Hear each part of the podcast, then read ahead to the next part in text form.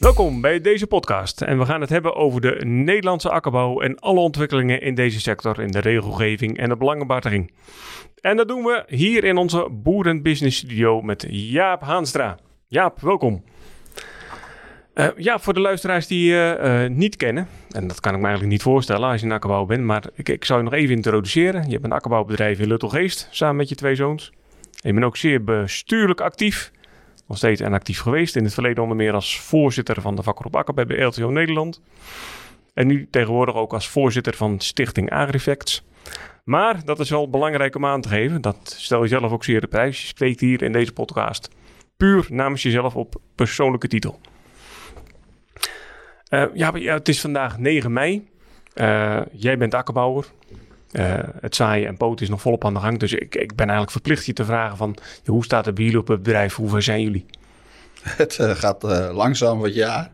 We zijn laat, maar de, de bieten en de uien, dat is allemaal wel gezaaid. bieten komen er ook allemaal uit, de allerlaatst gezaaide. Ja. We zijn volop aan het poten en we hebben denk ik nu ongeveer een 70% erin. En we zijn met de laatste bezig, dus nog een paar dagen, dan is het uh, gebeurd. Maar het is, en dat is het goede nieuws, het is een paar weken eerder als in 83. Ja, ja want 1983, ja, dat staat niet mij helder op de geest. Toen was ik tien jaar, maar Mij wel, ik dat toen zaaide ik op 4 juni uien en dat ben ik nooit meer vergeten. En 6 juni de laatste aardappels erin. En ja, we hebben het ook overleefd toen. En voor velen was het een heel goed jaar toen. Qua prijs of qua opbrengsten? Qua opbrengsten niet, maar qua Precies. Ja. Dus dat kan wel een mooie vooruitzicht zijn. Ja, wie weet. Wie ja. weet. Ja, wat dat gaat. Ik, ik heb ook weinig stress in de sector om, uh, onder akkerbouwers meegemaakt over die, de late tijd. Ja, vrij rustig. Maar in in, toen in 83 toen was het op een gegeven moment, kon je de mannetjes niet meer zo oud ergens vinden. Oude boeren, zeg maar, die dit meegemaakt hadden. En toen gingen we wel een beetje twijfelen. En nu hebben we wat, wat zijn er meer die 83 meegemaakt hebben in ieder geval. Dus uh, het gaat wel goed komen. Wat meer levenservaring inderdaad, ja. Uh, trouwens, jij, daar hadden we het uh, pas geleden over. Je, je staat bekend om iemand die een heldere mening heeft over de zaken die die spelen. Dat gaan we straks ook over hebben. Maar ik begreep dat jij op je eigen bedrijf niet meer de baas bent, maar, maar dat aan je twee zoons overlaat. Ik, uh, uh, ik zit samen met mijn twee zoons in een, in een een VOF. En uh, ik vind dat op een gegeven moment dat je een leeftijd krijgt, dat je de, langzamerhand de stok door moet geven, het stokje door moet geven. En uh, uh, zij doen het, uh, het, zeg maar de dagelijkse beslommering. We overleggen alles wel met elkaar. Maar feitelijk is het zo. Als ik, ik zeg wel eens tegen ze: als jullie het samen eens bent, dan moet je het gewoon doen. Ja, en, en lukt je het dan om je te beheersen? Ja, dat lukt me redelijk goed. En, en, dat heeft ook wat voordeel dat je vroeger veel van huis geweest bent. Dan moest je vaker de zaken overleveren hè, of overgeven. En dan ga, heb ik misschien een streepje voor om dat ook makkelijker te kunnen. Ja. En bij het zaaien en poten ook een keurig bufferstrook langs ja. de sloot aangehouden ja. dit jaar? Ja, met bloedend hart. Uh, kom ik straks nog wel even op terug. Dat is ook het bruggetje dat ik wil maken, inderdaad. Uh, het is wel mijn bloed het hart wat, wat er nu gebeurt. Uh, toen ik begon met boeren, toen zei mijn vader, uh, toen ik een hoek niet poten, heb je te veel land of zo. Ja. Nou, als hij dit zou zien, dan, dan, zou hij zeggen waar ik de polder mee voor droog gemaakt. want dit is onvoorstelbaar wat er nu gebeurt. Ja. ja, want we wilden het hier inderdaad met je gaan hebben over de, ja, de, de, de regelgeving en alle de belangenbehartiging daaromheen. er is enorm veel gebeurd eigenlijk hè, de afgelopen maanden. Gecombineerde, gecombineerde opgave, de GOB. Uh, en alles wat erbij hing. De zevende actieprogramma uh, nitraatrichtlijn. Uh, derogatie. plus alle commotie daaromheen. Eerst we een, een, jaar uitstel tot 2024. En toen binnen twee maanden, of nog korter zelfs, draaide alles weer terug. Doordat meneer Adema niet goed geïnformeerd was in, in Brussel. Tenminste, zo gaf hij zelf aan. Als je dat dan nou zelf ziet hoe dat die afgelopen uh, ja, maanden eigenlijk zijn verlopen en hoeveel een akkerbouwer over zich uitgestort krijgt, ja, hoe, hoe kijk je daarop terug? Ja, dat, hoe kijk je daarop terug? Ja, er, er gebeurt heel veel. En uh, soms heb je momenten dat je zegt, ja, maar ik kan me voorstellen dat dit gebeurt. En andere momenten zeg je, ja, maar dit vind ik onbegrijpelijk. En als ik even kijk naar alles wat om, rondom de derogatie en het zevende actieprogramma aan de hand is, dan vind ik het onbegrijpelijk wat er gebeurt. En feitelijk wat je even naar terug moet gaan is, waar is het allemaal begonnen? Ja. En hoe zit dat in elkaar? En dat heeft natuurlijk met de ontwikkeling van de nitraatrichtlijn te maken. Volgens mij is die in 1991 ontwikkeld, is die ook vastgesteld. En, uh, en toen heb, moesten vervolgens de landen aan, moesten gaan inleveren, moesten gaan zeggen. En Nederland heeft de keuze gemaakt toen om als kwetsbaar gebied te doen. Had ook te maken met de wil om derogatie te krijgen. En heel Nederland als kwetsbaar gebied. Nou, bij derogatie, daar hoort één ding bij, daar hoort een goedgekeurd actieprogramma bij. En dat hebben we een aantal keren hebben we dat gehad en we zijn nu aan het zevende actieprogramma bezig. Maar nu gebeurt er wat bijzonders. En ik moet eerlijk zeggen, in de loop der jaren heb ik er ook meer kennis van gekregen. Um, als je de, de, de uh, nitraatrichtlijn, die richt zich op het grondwater, 50 milligram, de meeste boeren weten dat ook wel. En naar het oppervlaktewater, de kwaliteit van het oppervlaktewater, eutrofiëring. Nou, als je die norm van 50 milligram doortrekt naar stikstof in de sloot, dan zou het iets voor mij 11,2 of 11,3 zijn. Maar we houden niet die stikstofwaarde aan, we houden een ecologische waarde aan. En die zit ergens, Europees gezien, veel landen om ons heen hanteren daar de 4 uh, milligram uh, voor. En dan begint het, het rare. Want we zijn, wat, wat is er nou gebeurd de laatste maanden? Dat is natuurlijk dat Nederland niet een derogatie meer heeft met 250, 230 kilo zoals we die eerder hadden. Maar dat de derogatie de komende jaren naar 2027 afgebouwd gaat worden in stapjes. Voor sommigen, in sommige gebieden is dat in één keer. Uh, maar uh, uh, voor de meeste gaat dat. Maar daar hebben we wel een heel zwaar actie, zevende actieprogramma bij. En, uh, uh, en als je daar uh, even op in gaat zoomen, dan zijn natuurlijk een paar dingen die opvallen. Punt 1, het verlies aan derogatie de komende jaren. Punt 2 is de bufferstroken. Maar ook door die bufferstroken het verlies aan mestplaatsingsruimte voor een groot aantal bedrijven. Ja. En natuurlijk de vermalendijde 1 oktober uh, regeling. Waar uh, onder andere de consumptietelers enorm veel last gaan krijgen op de lichte grond. De lijst van de wintergewassen, ja. Ja, van de lijst van wintergewassen. Dus er is nogal wat aan de hand. Wat uit, uit dat, uh, en is dat allemaal nodig? Is dat allemaal nodig? Want als ik dingen moet doen op een bedrijf en met mij alle collega's, dan moet je wel nut en noodzaak ervan inzien. Nou, en daar ga ik met de dag meer aan twijfelen. En dat heeft een reden, omdat we natuurlijk ook meer kennis aan het verzamelen zijn. En als ik dan even een stap neem naar grondwater, dan uh, zien we dat uh, uh, het grondwater in Nederland, dat de metingen die we aanleveren aan Brussel, want die vraagt elke vier jaar dat we een rapportage maken, dat die verslechterd is. En dan zeg je, hé, hey, wat is dat raar, hoe kan dat nou toch? We nemen allerlei maatregelen, er zat een dalende lijn in. En nu is dat slechter. Hoe kan dat nou? Nou, dat heeft ermee te maken dat men de methodiek verandert. Als je meer punten meet en je gaat uh, op minder grote dieptes meten, dan wisten we al heel lang dat het gaat veranderen. Ja. Dus in één keer van wat wij hadden verwacht, dat we gaan dalen in het nitraat in het grondwater, vindt er een, een stijging plaats. Dat komt dus door die verandering, methodeverandering van uh, bemonsteren en rapporteren als we gewoon gehanteerd zouden hebben. Want Brussel doet één ding: die kijkt naar de lijn. Het moet elke keer een stapje beter worden. En dan heb je weinig problemen. Maar door de methode te veranderen, ja, dan wordt het in één keer niet meer beter. Als we doorgegaan waren op de methode zoals wij het grondwater meten in het verleden, dan hadden we nu op 5% overschrijding gezeten. Dat was een aanzienlijke verbetering geweest. En, ook, een, ook en ook een haalbaar doel, inderdaad. Ja. Inderdaad. En dan moet je ook nog begrijpen, omdat Nederland geen verschil maakt tussen grondwater in de stad of op het industrieterrein of op het boerenland, dat er in die 5% nog een aanzienlijk deel zit dat metingen in de stad zijn. Iedereen kent inmiddels wel het voorbeeld van Nijmegen, waar midden in Nijmegen een watermeetpunt staat. En dat is een hondenuitlaatveldje. Ja. We hebben foto's waar je kan zien dat een hond tegen het paaltje staat te plassen. Dat is ik vind dat volstrekt onterecht wat er gaat gebeuren. Dat, daar ga je, schijnbaar ga je daar de zaak mee verslechteren, terwijl het in werkelijkheid niet zo is. Dat is één. De tweede is uh, uh, de oppervlaktewaterkwaliteit. Nou, en daar is ook van alles op aan te merken. Ten eerste heeft men weer geen verschil gemaakt tussen stad en agrarisch water. Ja, dat kan natuurlijk niet. Maar nog erger nog, men heeft ook uh, vogelplassen daarin zitten. Oostvaardersplassen hier om de hoek staan in de, in de, in de metingen als zijn agrarisch water. Ja, mensen, dat kan toch niet? Dat kan toch niet? Dus dan is het geen wonder dat je een groot aantal punten vindt met uh, hoog stikstof. Het wordt nog fraaier als je gaat bedenken dat in wateren waar uh, gemeten wordt, dat daar rioolwaterzuiveringsinstallaties op uitvloeien. Uit, uit, ja, vloeien, Uitlopen, ja, ja. En riooloverstorten die daar uh, op afwateren. Ja, maar dan meet je toch niet agrarisch water, zou je toch zeggen. Ja. Dat krijgt er...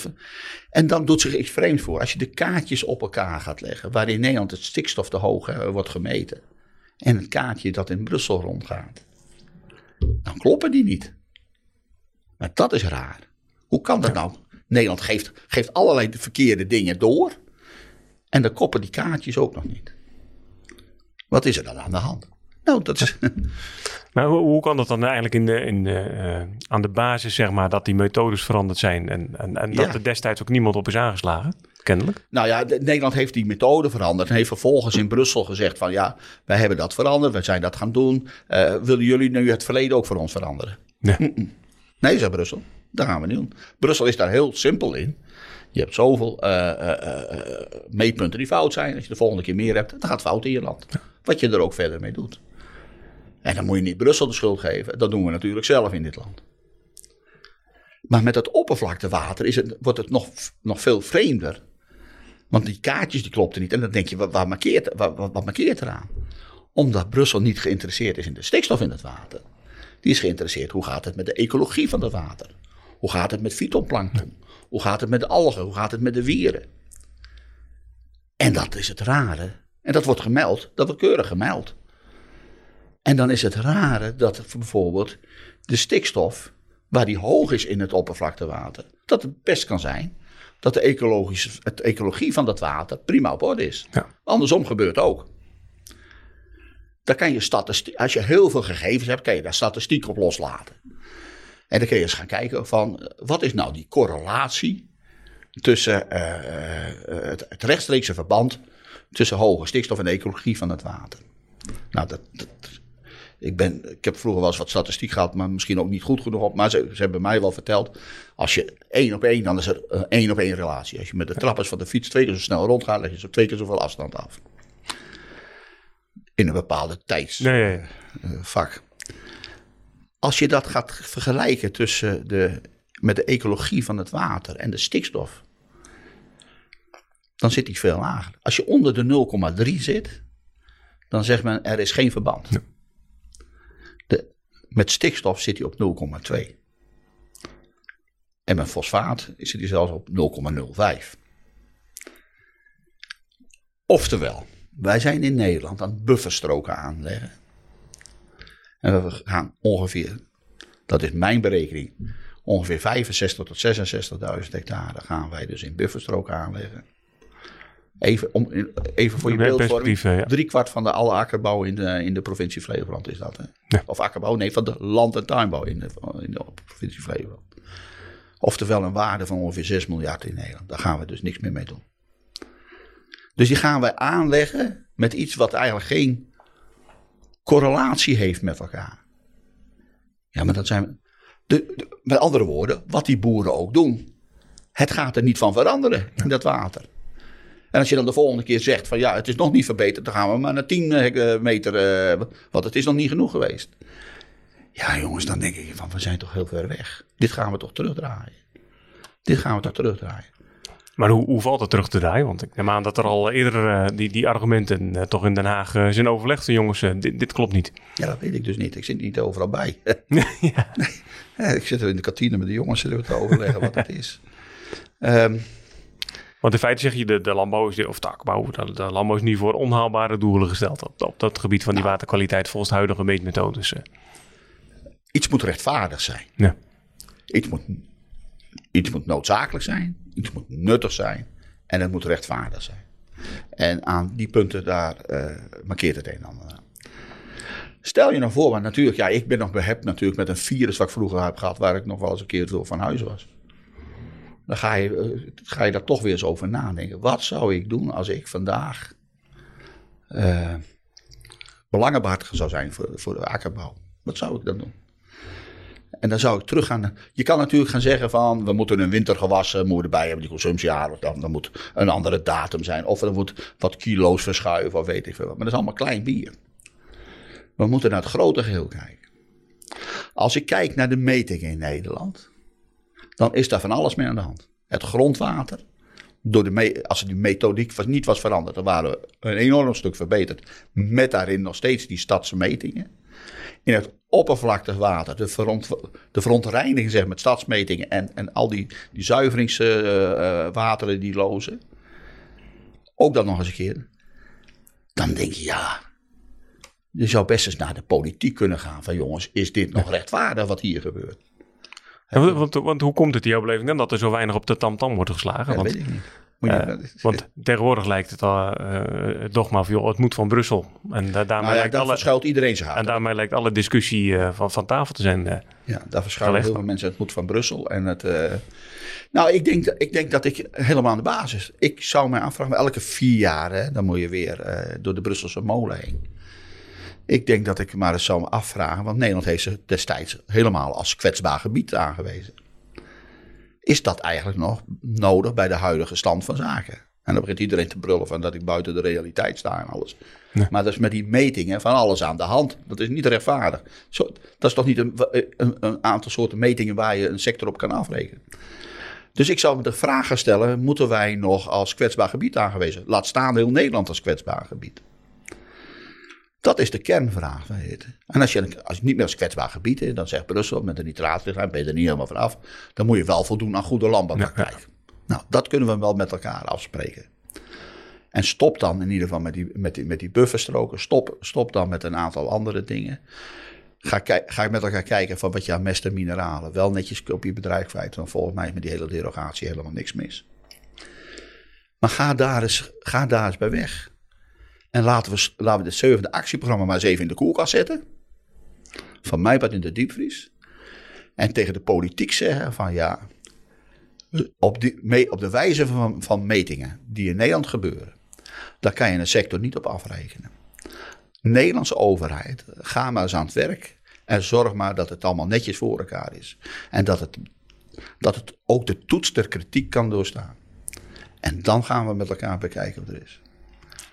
Eén, dus de, de kwetsbare gebieden praten. Twee, eh, zevende actieprogramma voorlopig even koud stellen totdat er netjes gemeten wordt in Nederland. Ja, nou, het lijkt wel of dit soort processen, want je ziet eigenlijk heel uh, parallellen natuurlijk met de huidige stikstofdiscussie ook, hoe dat loopt. Ja. Dat er wordt ook van alle kanten heel veel andere data naar de overheid gezonden. Van, joh, uh, het zit toch anders in elkaar, zoals dat volgens jullie berekening is, om het heel, heel simpel even te zeggen. Uh, maar dat lijkt wel vanaf de, de Haagse politiek af te glijden. We zetten de trein uh, in gang en, en, we rijden door. In feite zie je dat nu toch bij de nitraatrichtlijn ook.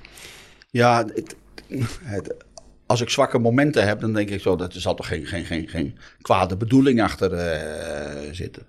Of is het gewoon onbenulligheid in Nederland, of langs elkaar heen werken of wat dan ook. Maar uh, ik, weet daar, ik, weet, ik weet daar het antwoord eigenlijk ook niet op. Ik weet alleen dat wij als boeren elke keer van dit soort elementen de sjaak zijn. En uh, dat kan niet blijven doorgaan. En ik vind dat de Kamerleden, als ze hun werk uh, goed doen en serieus bezig zijn, dat die zeggen: jongens, maar dit gaan we niet doen. Dit kunnen we zo niet doen. We gaan nu orde op zaken stellen. Want we weten het nu ook, hè? We weten het nu ook. Maar, is de point of no return straks niet gepasseerd? Als gewoon iedereen nu uh, goed, uh, conform de huidige regelgeving, de, de buffers er ook aanlegt dit jaar. En aan het eindjaar wordt geconstateerd, jongens, dat, dat ging eigenlijk hartstikke ja, goed. Maar volgens mij uh, zijn er ook nog wel mensen die kijken naar juridische procedures op dit, uh, op dit vlak. Ja. En uh, die het daar ook niet mee eens zijn. En wat ik constateer, zullen zij misschien ook constateren. En, juristen, ja, dat, dat, die, die kan ik helemaal niet volgen hoe ze tot, tot conclusies komen. Maar daar zal vast nog wel naar gekeken worden. Maar dan is er ook altijd nog een gezegde, beter te halve keer dat een hele gedwaald met elkaar. En iedereen die ik om mij heen hoor, of het nu vanuit, want ik heb toch nog wel eens wat mensen die ik zo links en rechts uh, contact heb in het land. Iedereen gruwelt van die maatregelen. Die er, het is ook zwaar tegen je boerenhart in om vijf meter langs een, uh, een, kanaal, een tocht, een vaart of wat het dan ook mogen zijn, uh, braak te gaan leggen. En wetende dat er de wereld is uh, geïnvesteerd in allerlei driftbeperkende maatregelen, allerlei kunstmestrooien met allerlei uh, zaken. En ook nog wetende dat die, die correlatie er niet is. Dus omdraaien. Nou, en dat vind ik dat de belangenbehartiging hier maar eens even goed over moet gaan nadenken. Ja, want dat gebeurt nu uh, te weinig. Nou, ik heb het nog niet gehoord wat ik nu gezegd heb. Ja. dus uh, uh, misschien zullen ze het intern wel bespreken, dat weet ik niet. Dat zeggen ze mij allemaal niet. Maar en als je het wel bespreekt, ventileer het dan naar je achterban toe. He, dat is, er is de communicatie, en, en dat maakt niet uit hoor, maar gewoon belangenbehartiging in zijn algemeenheid is lastig met de achterban. Terwijl we veel kanalen op dit moment hebben om heel snel te kunnen communiceren met elkaar. Is dat ook niet om uh, dat achterban zelf al enorm versnipperd is tegenwoordig? En in elke gradatie, akkerbouwer, gangbaar, biologisch, ja. uh, natuur inclusief uh, en, en, noem maar op, die elke weer een eigen vereniging hebben. Ja. Dat het heel moeilijk is om ook binnen onze eigen sector een gemeenschappelijke noemer te vinden. We zijn nog met 50.000 boeren in Nederland, hè? ietsjes meer. En we zijn er nog nooit minder geweest. En we zijn meer verdeeld dan dat we ooit geweest zijn. En dat is fout. En ergens moet iemand de handschoenen oppakken om te zeggen: en, eh, jongens, als we met elkaar niet kunnen werken, ondanks dat je bedrijven verschillend zijn, als we met elkaar de belangenbehartiging niet op kunnen pakken, wat verwachten wij dan van degene waar wij mee praten? Als wij het niet eens kunnen worden. Ja, ik vind dat altijd jammer. Ik vind, dat het, ik vind het jammer dat dat niet lukt. En dat iedereen wat zegt en uh, dergelijke. Maar ja, er wordt ook wel eens gezegd, ja, van het, het volk krijgt wat het verdient. Ja. dus nee, het, het, een noodzakelijk punt. Daar moeten we gewoon een punt van maken. Er moet, iemand moet op dit moment de handschoen oppakken om te zeggen van jongens, we gaan met elkaar in één hok. Ja. Maar ik denk niet dat jij gaat zeggen wie dat zou moeten doen. Of? Nee, maar dat, kijk, in, in het leven is uh, met elkaar werken, is elkaar dingen gunnen. En wij gunnen elkaar wat als we elkaar kennen. Dus ga eerst eens met elkaar, elkaar leren kennen. En uh, dat je bepaalde sympathie voor elkaar hebt. Dan kun je ook met elkaar gaan werken. Menselijke factor is er heel belangrijk in. Maar er wordt er heel vaak gezegd, en dat, dat is met name ook aan de partij aan de groene kant van de spectrum, maar wordt gesproken over de machtige landbouwlobby. En dat eigenlijk, nou, als je ziet wat er nu gebeurt, wat in de stikstof gebeurt, uh, als je ziet wat er ook in Brussel gebeurt. Uh, ja, hoe, hoe, sterk is die landbouwlobby nou eigenlijk nog op dit ja, moment? Maar dat, kijk, dat wordt altijd door mensen gezegd die iets willen. Die willen dat jij uh, dit verandert of dat verandert, of ze willen je grond of ze willen dat. En de landbouwlobby is zo sterk. Als de landbouwlobby heel sterk was met elkaar, dan zaten we niet uh, met elkaar aan tafel nu. Dan hadden we de problemen al opgelost. Vroeger liep dat anders. Dat is, maar dan waren we ook met veel meer boeren natuurlijk met elkaar. En met een ander politiek spectrum. Ja. Ja, dat is goed. Je zei het net al even, als ik bestuurder was, hoe, hoe had ik dat dan gedaan? Hoe, maar hoe word jij nu geacteerd, waarschijnlijk, in dit ingewikkelde politieke spectrum? Ja, nou ja, wat ik heb gezegd, ik, ik had, ik had als, als ik dan naar die, uh, de, nitraatrichtlijn kijk, had ik de weg gekozen van, uh, van dat doen. Dat, ik vind dat ook belangrijk, dat, dat je achterban dan, hè, dat mensen precies weten waar je staat, waar je voor gaat. En het, mijn ervaring vanuit een ver verleden, maar misschien waren de mensen toen anders. Is altijd, als je kon uitleggen waar je mee bezig was en wat je, wat je doel was, ook al haalde je dat doel niet, en je, je had daarvoor gevochten, dan accepteert men dat altijd. En, uh, uh, en dat is gewoon helder zijn. Helder zijn. Duidelijke doelen en helder. En je gaat alles niet winnen. Je gaat als belangenbehartiger nooit alles winnen. Maar je moet ook niet te veel verliezen. Ja. Ja, want je had net, we hebben het net over de buffer ook gehad. We hebben nog helemaal de kalenderlandbouw niet genoemd natuurlijk. Met, met, die, met die wintergewassenlijst. Met 1 oktober, consumptieaardappelen, uh, suikerbieten. Met elke ja, maand nee, het is, het, het, droogte tussen. Het is belachelijk. En als je nog meer, als je dat in het perspectief plaatst van die metingen. Het gaat de goede kant op. als je die, die systeemwijziging even terzijde laat. Het gaat de goede kant op. En daarom als je aan, aan, aan het begin met die metingen verkeerd gaat, gaat alles daarna komt in een ander uh, daglicht te staan. Dus dat is essentieel dat dat goed gaat gebeuren. En laten we eerlijk zijn, als, als, als, ik, ik noem maar wat, als het in uh, Drenthe geen overschrijdingen zijn. wat heeft het voor zin dan om daar maatregelen op te leggen, omdat het ergens anders wel zou zijn? Dat vind ik niet logisch. Je moet het aanpakken waar wel een probleem is. Maar eerst moet je het probleem in kaart hebben. En daar zit het hem nou net.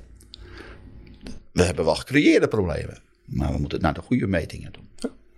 Maar is, ik, kom er toch nog even op terug hoor. Is, is niet jouw toch idee dat eigenlijk nu alles, en, en misschien, misschien je te veel, voor zoete koek wordt geaccepteerd. En er eigenlijk de, de, te weinig weerstand uh, op het geheel is. Want we hoorden de lijst van wintergewas, ja, waar de consumptieaardappelen op zand en lus op stonden. Ja. En uh, iedereen was heel verbaasd dat erop stond. Ja, dat, ver, maar, dat verbaast mij nog net. Ja, ik, want eigenlijk had je dat uh, toch dat, al uh, in, in het stotje moeten hebben, om, om het zo te ook, zeggen. Ook het moment waarom dat pas definitief bekend werd, in april natuurlijk. daar zitten de aardappels al in de grond, dus de keuzes zijn gemaakt. Ja, dat, dat, dat, dat, dat is niet goed. En... Ja, want ik denk dat vooral in de sector ook een beetje, als je ziet wat in het stikstofbeleid, er wordt al twee jaar gepraat, maar het kabinet is nog een millimeter van de huidige standpunt afgeweken. Maar uh, dat menig akkerbouw eigenlijk denkt, joh, we kunnen wel tegen gaan regeren, maar het, het, gaat ons ja, niet helpen. Uh, niet vechten is, dan ben je verloren. Uh, uh, nooit opgeven. Uh, als boer niet en als belangenbehartiger niet. En waar, je ook, of waar je wat doet, of je in een waterschap doet, stel de goede vragen. zorg dat je ermee bezig bent. Want ook waterschappen spelen daar een, rol in met de normvaststellingen en dat soort zaken. Laat je informeren en doe gewoon je werk. En een, een, een, ja, ik, ik zeg wel eens, als een bestuurder een belangenbehartiger wordt, uh, dan, dan gaat het goed. Maar een belangenbehartiger moet geen bestuurder worden. Ja. En, uh, want dan, dan ja, ik vind het volstrekt normaal als iets niet in je belang is, dat je zegt van, ja, even niet. Maar is het goed, want dat wordt ook vaak gezegd, goed uit te leggen, joh, ik, ik ben eigenlijk tegen een bufferstrook, ik ben, ben tegen die winterwassen, maar ik ben wel goed voor de natuur. Ja, maar, want, dat wordt vaak als je ergens tegen bent, dan. Uh, ja, dat is alsof je de natuur vermoordt, ja. uh, zo ongeveer. Hè? Dat is. mensen, uh, als één ver, verbondenheid heeft met de natuur, dan zijn dat boeren met elkaar. Of je nou koeien hebt, of je hebt uh, uh, varkens, of ieder op zijn, of je hebt akkerbouw. Ieder op zijn manier is het. En als ik met, in, het voorjaar een, een, een kievitsnest kom, wordt dat ding ook even omgezet. En als ik denk dat er één zit, loop ik ook even van de trekker af om te kijken of ik hem kan vinden. En ik zet er ook even een stukje bij, een stokje bij als de zaaimachine komt, dat we er even rekening mee houden. Ja, maar dat is toch, dat is toch wat, wat is daar wat leuker aan om, dat, om daarmee bezig te zijn? Wij, wij zijn natuur. Ja. Hè? Alleen wij doen dat op een manier dat we het zeggen, we noemen het cultuur. Ja. Dus het een sluit het absoluut het ander niet uit. Wat heel vaak in de discussie wordt, wordt zo zwart-wit wordt neergezet natuurlijk. Hè. Ja, als je, ik mag ook wel eens op, op Twitter kijken. Dan, ja, dan denk je, jeetje. Ja, dan wordt er van alles ja. gescholden en zo. Als je het niet met elkaar eens bent, dan, dan volgt er narcist, uh, nazist, ra racist, uh, fascist en weet ik wat allemaal niet meer. Mensen houden ermee op. Nou, de, enkele maanden terug zat je ook hier in de studio. Had je ja. met, met collega Niels van der Boom een, eh, een, een mooi gesprek, een boeiend gesprek over de voedselzekerheid. Ja. En de mondiale voedselproductie. Waar ik waar voor je op termijn komt er echt een voedseltekort in de wereld. Als je nou inderdaad dit, dit ziet uh, van de bufferstroken. Uh, wat je al zei, dat uh, mijn hart bloedt daarvan. Eigenlijk niet genoemd is nog 4% braak. Wat ja. eigenlijk ook in de regel staat, maar vanwege Oekraïne dit jaar een, een uitzondering op is. Ja, hoe, hoe, je zei ook al, ik heb een bloedend hart, maar is dat bloedend hart nog te stelpen, verwacht je? Nou ja, het, ik heb toen gezegd dat we op een termijn van 10 tot 15 jaar, je kan nu zeggen, uh, in, op het ogenblik lopen de prijzen van een aantal producten zijn hoog, maar net als van granen loopt het weer wat terug. He, dan heb je een, een soort prijzencrisis gehad. Een prijzencrisis is dat niet iedereen in de wereld het kan kopen. En ik zeg, we gaan over naar een honger of naar een voedselcrisis. Ja. Er zal niet meer genoeg voedsel zijn. Dat is op een termijn van 10 tot 5. Heb ik toen allerlei redenen van aangegeven. De ontwikkelingen op dit moment zijn er nog niet naar die aard dat ik uh, uh, mijn mening daarin uh, veranderd ben.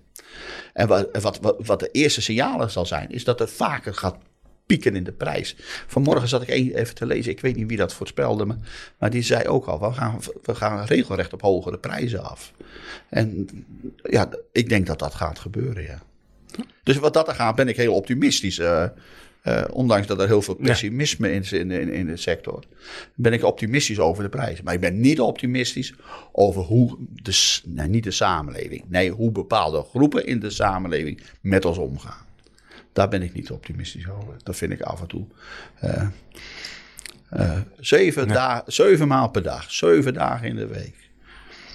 Zeven maanden achter elkaar, zeven jaren achter elkaar, zeven decennia. Zal er elke dag dingen op tafel komen die bij ons vanuit, uh, de, vanuit het bedrijf gaan komen. Daar gaat geen kweekvlees aan helpen, daar gaat geen verticale landbouw aan helpen. Daar gaat allemaal van ons bedrijf komen. En vanmorgen zat ik even te lezen dat in Canada, daar willen ze graag jonge boeren hebben. Omdat daar een leegloop is. Boeren die vertrokken zijn, die komen zomaar niet meer terug. Daar moeten ze goed uh, om bedenken. Dus we zijn gewoon nodig. En bedrijven worden groter. Gaat altijd, het stopt dan niet. Het, over tien jaar hebben we minder boerderijen dan uh, dat we nu op dit moment hebben. Maar het gaat om de productie die je met elkaar wordt uh, reguleert. Of ja. wat je produceert met elkaar. Ja, tot slot, je gaf ook al aan, eigenlijk, het, het zou het mooi zijn om al die groeperingen, de belangenbehartiging, dat je eerst wat nader bij elkaar komen in plaats dat ze zich tegen elkaar uit laten spelen. Uh, maar dat goed, dat hangt natuurlijk altijd heel vaak af van de, de man of vrouw die daar het voortouw heeft bij zo'n uh, bij zo'n club. Maar, maar, zie je dat ook nog goed komen? Nou, ik had even hoop toen Naal Dijkhuizen natuurlijk bezig was uh, met dat collectief, dat dat het moment zou zijn. Nou, dat was kennelijk te vroeg. Uh, ik weet niet wie het gaat doen, wanneer hij het gaat doen, maar vroeg of laat gaat dat wel weer komen. We hebben natuurlijk ook de tijd gehad, van, heb ik nog meegemaakt, dat we met de verzuiling zaten. Dan hadden, ik kom uit de Noordoostpolder, elf dorpen. Eh, eh, elk dorp had drie organisaties met drie bestuur. Was in elk dorp was 15 mensen waren bezig met belangenbehartiging op hun manier. Nou, vandaag de dag kunnen ze uh, met, met, met moeite met elkaar in bestuur krijgen. Ja. Uh, maar toen zeiden we ook, ah, dat gaat niet gebeuren, we gaan niet. En voordat we het zomaar was daar in één keer, was LTO Nederland, uh, uh, LTO Nederland daar. En dat kan soms in één keer maar gebeuren. Als je je dogma's opzij zet en je bent gewoon voor de boer, ben je aan het werk. Dan stap je die andere dingen makkelijk over. Dat gaan we zien of we dat kunnen meemaken, Jaap. Ik hoop het mee te maken. Dank voor dit gesprek. Graag gedaan.